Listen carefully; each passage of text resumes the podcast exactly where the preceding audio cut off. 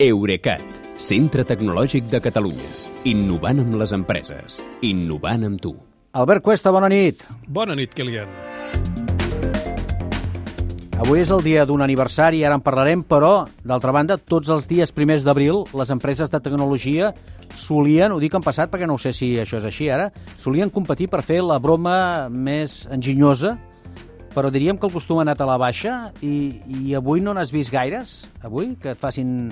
No has vist res que et faci dubtar? Uh, amb prou feines he vist una mena de Tamagotchi modern que han promocionat el, la gent d'Oppo, dels mòbils xinesos. Ni tan sols Google, que feia les innocentades més elaborades, però fa dos anys les va suspendre per la pandèmia i sembla que aquest any tampoc no, no n'ha fet cap, eh, probablement per la situació ucraïna. S'entén i seria apropiat, sí. Tot Sí. i això, Google sí que té una cosa per celebrar, eh? allò que dèiem, la majoria d'edat de Gmail. Sí, el dia 1 d'abril de 2004, i avui fa, per tant, 18 anys, Google va anunciar un nou servei de correu electrònic amb bústia eh, gratuïta d'un gigabyte de capacitat. Eh, per la data que era, que és la data de les innocentades Clar. anglosaxones, gairebé tothom es va pensar que feien broma, perquè allò era 200 vegades, 250 vegades més espai del que oferia, per exemple, Hotmail però eh, no era broma, anava de debò. I ara Gmail és la plataforma de correu electrònic més popular de la xarxa amb més de 1.000 1.800 milions d'usuaris mensuals. De fet, la quantitat de bústies, perquè això eren els usuaris, la quantitat de bústies és gairebé el doble. Google no diu quantes n'hi ha, però s'estima que cada usuari en té creades 1,9. Sovint una és particular i l'altra és de feina. La majoria tenen o tenim, perquè jo mateix en tinc tres, mm. un, una adreça arroba gmail.com, que abans era obligatòria, però cada vegada n'hi ha més que fan servir Gmail, però amb una adreça de la seva empresa, com a part de la modalitat de pagament de Google, que també inclou el Drive i les aplicacions d'ofimàtic al núvol.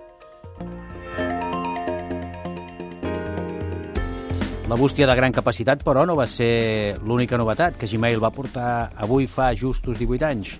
No, també va aportar altres funcions que no eren gens habituals amb una bústia web. Per exemple, la vista de conversa, aquesta que t'agrupa el missatge inicial amb les seves respostes, o bé el suggeriment d'adreces del destinatari a mesura que anaves escrivint, i un filtre de correu brossa que ja apuntava maneres, però que ha anat millorant amb els anys. Eh, Google assegura que menys del 0,1% dels missatges no desitjats arriben a la safata d'entrada o, també igualment important, o potser més, menys del mig per cent de missatges vàlids es classifiquen com a correu brossa. Doncs potser més important, sí. Jo crec que sí, perquè això de perdre't un missatge que esperes eh, fa, fa molta nosa. Mm. Altres xifres curioses sobre Gmail són que una bústia promig conté al voltant de 17.000 missatges inclosos els de brossa, això sí, eh? Vull dir que si no esborreu sovint, no us sentiu culpables. Ja. Uh, Gràcies, mitja... gràcies, per cert.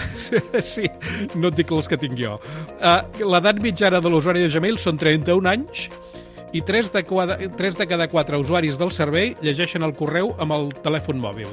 En termes més generals, el 27% dels missatges de correu electrònic que hi ha al món s'han obert amb Gmail que és l'aplicació de client de correu més utilitzada i només el, la igualen la que porten els iPhones. Diríem eh, que encara és molt vàlida, encara és viva, diguem-ne, aquesta forma de comunicar-se del correu electrònic?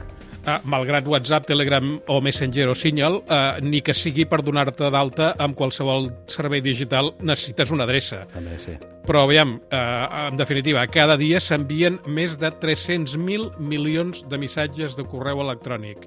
300.000 milions de missatges cada dia. I això venen a ser 4 milions de correus electrònics per segon. Home, eh, no donaríem a l'abast, eh? 4 No. milions per segon, crec que ens no, ni superaria. tan sols amb molts, amb molts filtres. Certament. Escolta, marxes de cap de setmana, perquè és cap de setmana, eh? Recordant-nos un altre aniversari, dius? Sí, eh, i crec que està bé recordar que diumenge farà 49 anys que en Marty Cooper, de Motorola, va fer des de la sisena avinguda de Nova York la primera trucada de mòbil de la història. Només, per cert, dos anys després de que Ray Tomlinson enviés el primer missatge de correu electrònic. Doncs el nostre aplaudiment als que van ser primers, ara després hi hem anat tota una sèrie que ho fem cada dia, cada moment. Moltes gràcies i fins dilluns, bon cap de setmana. Igualment, Kilian, fins dilluns. Eurecat, centre tecnològic de Catalunya. Innovant amb les empreses. Innovant amb tu.